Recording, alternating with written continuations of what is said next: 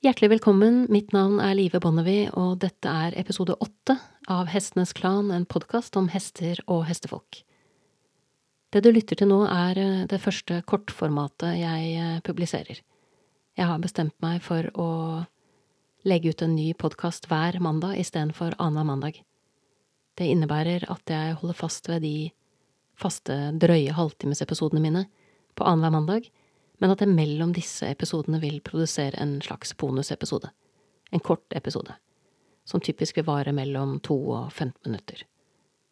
Disse korte episodene kommer til å ha tre ulike formater. Den ene har jeg valgt å kalle en halvparade. Der kommer jeg til å hente fram notater fra ulike klinikker og kurs og foredrag jeg har vært på, eller anekdoter fra felten så har jeg et uh, kortformat som jeg har valgt å kalle en fotnote, hvor jeg kan hente fram utdrag fra faglitteratur, typisk, kanskje artikler som jeg oppfatter som relevante, eller uh, ulike typer avhandlinger. Og det tredje kortformatet har jeg kalt Moment of Zen, eller MOS for kort. Og det er typisk et øyeblikk med hest som har utvidet min horisont, flyttet på noe vesentlig i livet mitt, eller kanskje endret mitt syn eller nyansert mitt syn på hest. Så her får du første Moment of Zen.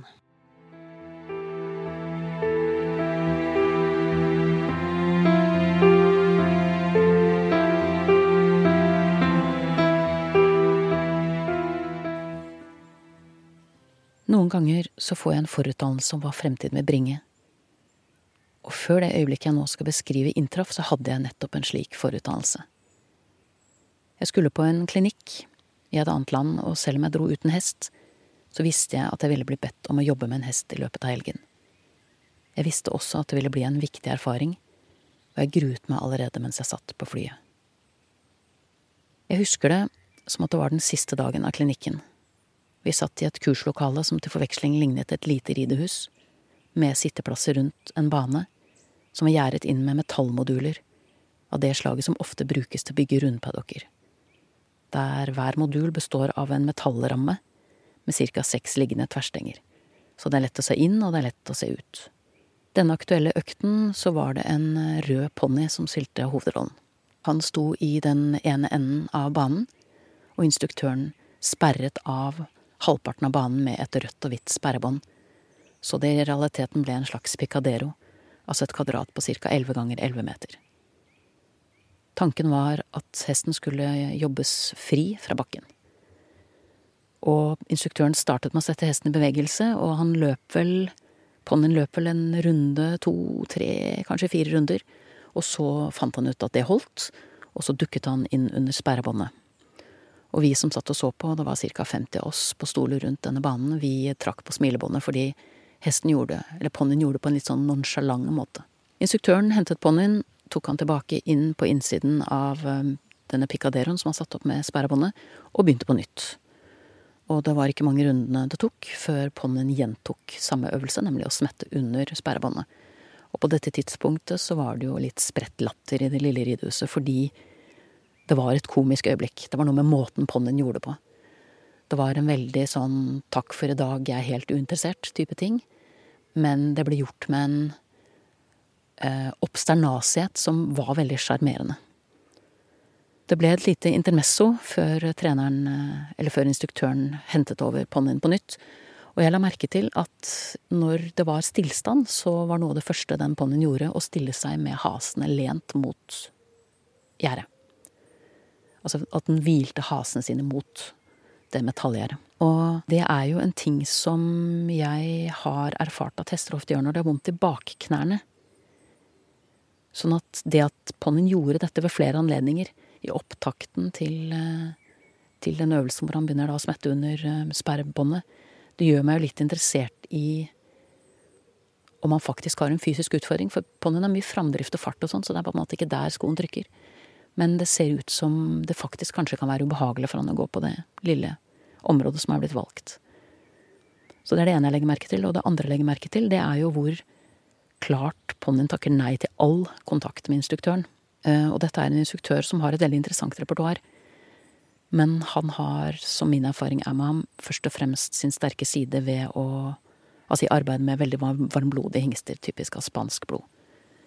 Og i møte med kaldblodige hopper eller litt sånn egenrådige ponnier, som krever en annen tilnærming, så hender det at han kommer til kort, og det gjorde han her. Så når han hadde hentet ponnien tilbake og startet en ny runde, så, så skjedde det uunngåelige at ponnien dukket under sperretråden for, eller sperrebåndet for tredje gang. Og da ble instruktøren irritert. Det tror jeg mye handlet om at da var det åpen latter i ridehuset, så han følte vel kanskje at noen gjorde narr av ham. Og det er jo aldri en god følelse å stå på en bane og bli ledd av. Um, så det handlet nok litt om det, men det handlet nok også om at han ikke hadde de riktige verktøyene for å snakke med akkurat denne konkrete ponnien. Så det han gjorde da, det var å få en student til å komme inn og overta arbeidet. Og jeg husker det øyeblikket ganske godt, fordi instruktøren var litt irritert, og vekslingssiden mellom ham og studenten ble en dårlig veksling. Uh, og det er alltid en litt sånn uheldig start på en økt. Og nå hadde de fjerna sperrebåndet, så det betyr at hele banen var til disposisjon, og jeg husker veldig lite av det som skjedde i samspillet mellom ponnien og studenten, antageligvis fordi det ikke var noe samspill. Det ble ingen kontakt der. Så fikk jeg en fornemmelse av at instruktøren planla å kalle meg inn på banen, men fordi han snakker et annet morsmål enn meg, og fordi jeg har et litt uvanlig navn, så sleit han med å uttale det riktig. Så når han uttalte det høyt, så kjente ikke jeg det 100% igjen heller. Jeg merket at det var meg han prøvde å snakke til, men navnet lignet ikke så mye at det var naturlig å respondere på det. Kanskje litt ut fra en form for trass også, så jeg ble sittende. Men det var en annen jente som reiste seg, for hun hadde et navn som lydelig lignet mitt. Og hun hadde også en ganske upåfallende økt, og den varte omtrent så lenge det tok instruktøren å uttale mitt navn såpass korrekt at det ikke var til å ta feil av. Så denne gangen ble det riktig, og jeg eh, Jeg vil ikke si at jeg ble kald innvendig, fordi jeg var allerede kald. Og det viste seg å bli egentlig en viktig del av det som utspant seg, fordi ettersom jeg allerede var ganske kald, litt sånn på grensen til å være skjelven kald, for ridhus kan være termisk trege, og selv om sola skinte ute, så var det kjølig inne. Jeg hadde på meg litt for lite klær rett og slett til å tilbringe en hel dag der. Så jeg var allerede litt ute av den veldig sånn rolige balansen som den situasjonen med den lille røde ponnien krevde. Men jeg reiste meg og gikk til porten som jeg fikk beskjed om, og instruktøren rakte meg den lange pisken som kanskje kan minne litt om en kjørepisk. Den er ca. halvannen meter lang, og den har en snert på 20-30 centimeter, og den skal brukes som en forlenget arm for å sikre at hesten ikke går inn i mitt personlige rom, altså det området som på en måte er rundt meg, som var første steg i den øvelsen som skulle gjøres. Så jeg forsøkte å samle meg, men jeg brukte ikke mye tid på det. Fordi jeg hadde allerede sett en fyr eh, en av de andre dagene som praktiserte aikido, som er en japansk kampkunst, hvor man har med seg en stokk som jeg mener heter en yo, eh, som han bruker eh, til å gjøre ulike øvelser, og som han brukte for å samle seg rundt at han skulle inn og jobbe med en hest på banen, men det fungerte overhodet ikke, for hver gang han var i ferd med å på en måte få sentrert energien sin, som han jo prøvde etter beste evne, så punkterte instruktøren forsøket med hva jeg velger å kalle sitt blotte maskuline nærvær.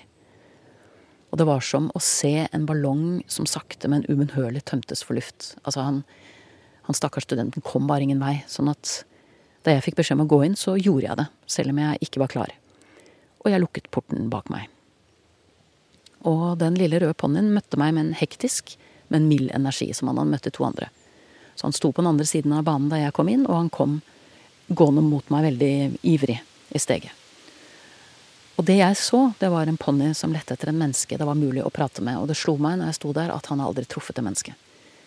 Og det mennesket kunne vært meg. Men jeg avviste ham. Jeg møtte hesten som instruktøren forventet, men fordi jeg var så uvillig i min egen kropp, så ble det veldig halvveis, for timingen ble for dårlig. Så når jeg begynte å be om mitt personlige rom, så var hesten egentlig på en måte allerede inni det det har noe med energi å gjøre, så du kan på en måte si at selv om den hesten fysisk ikke var inne i, i mitt personlige rom, så var han mentalt omtrent oppi halsgropen min og ga meg en klem. Så jeg jo holden, endte jo da opp med å holde pisken foran meg som et sånt litt ustøtt sverd som ikke virka så godt, eh, og som jeg liksom viftet litt halvhjertet med, og det gjorde jo ingen inntrykk på ponnien, så den kom jo da rett inn og rett opp til meg. Og da måtte jeg på en måte prøve å starte på nytt, og det gjorde jeg vel ved et par anledninger. Og så ble jeg kalt ut igjen av instruktøren, for han så at dette her gir jo ingen mening. Og det var helt riktig, det gjorde det ikke. Og det jeg kjente på når jeg sto der og møtte denne ponnien, det var jo at jeg hadde ønske om Altså min Mitt naturlige møte ville vært å legge ned pisken. Legge pisken på bakken der den hører hjemme, og ta den imot. Og så kunne vi snakke om andre ting etterpå, men vi måtte hilse først. Så var det som ble så feil for meg. Så eh, befinner jeg meg da på utsiden av banen, og instruktøren og jeg har en samtale, og den handler vel litt om en strategi for hvordan dette kan gjøres bedre. Eh, og jeg hører ikke så godt etter, fordi at på dette tidspunktet så har jeg fått kontakt med ponnien.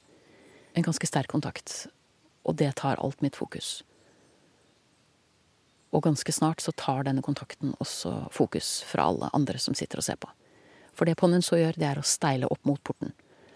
Steile opp og slenge det ene, om ikke begge forbeina, over øverste, den øverste tverrstangen. Og stå der som om man prøver å klatre ut. Og bakbeina står ikke stille på bakken. altså De, de ser ut som de prøver å lete etter feste nederst. Som om man rett og slett prøver å sette hoven på den nederste stangen, og så klatre et tak videre. Aldri sett verken før eller siden en hest ha den atferden. Så han gjør rett og slett det han kan for å komme ut, tilsynelatende. Og jeg står på en måte rett i den linjen han er på vei, sånn at han står og ruver over meg som en stor rød djevel. Og, og kaver og kaver og kaver, og det er stille som i graven i ridehuset. Alle sitter og måper og lurer på hva faen er det som skjer. Og jeg står bare og tar det inn til det er over, og jeg tør ikke si hvor mange minutter det tar før ponnien lar seg på en måte gli ned igjen fra gjerdet og rister litt på seg og begynner å gå litt, vandre litt sånn uh, rastløst rundt. Og instruktøren sier til meg at nå er tiden inne, liksom, nå går du inn på nytt, og jeg hører meg selv si at økten er over. Det er ikke noe vits å gå inn igjen. Instruktøren insisterer. Jo, jo, for all del, du må gå inn og fortsette der du slapp. Og jeg insisterer på at nei, økten er over, for nå har jeg på en måte fått kontakt, og kjenner at den grensen han ber meg krysse nå, den krysser jeg ikke.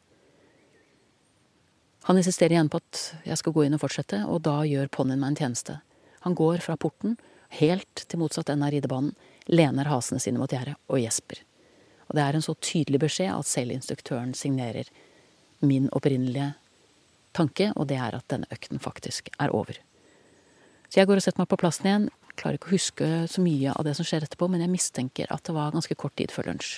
Det neste jeg husker, er nemlig at vi trekker ut, og jeg er oppløst i tårer.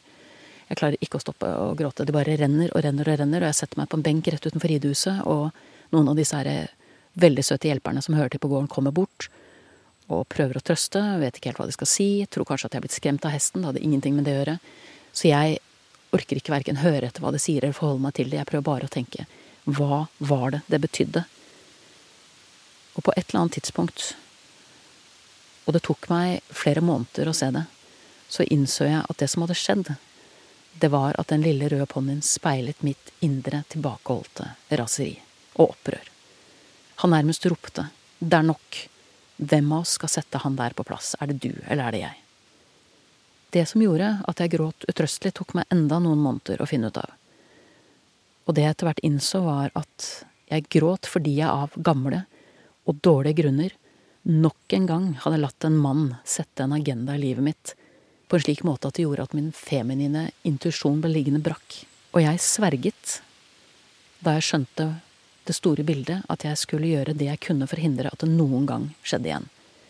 Men det skulle ta meg gode ti år før jeg kom dit. Men den jeg hele tiden kunne navigere etter, som kunne minne meg om hvor jeg skulle og hvorfor, det var den lille røde ponnien som jeg traff i det ridehuset den dagen. Og velsigne ham for å ha gitt meg det øyeblikket. Du har hørt første Moment of Zen fra Hestenes Klan, en podkast om hester og hestefolk. Takk til min faste komponist Fredrik Blom. Takk til den lille røde ponnien jeg traff i Danmark.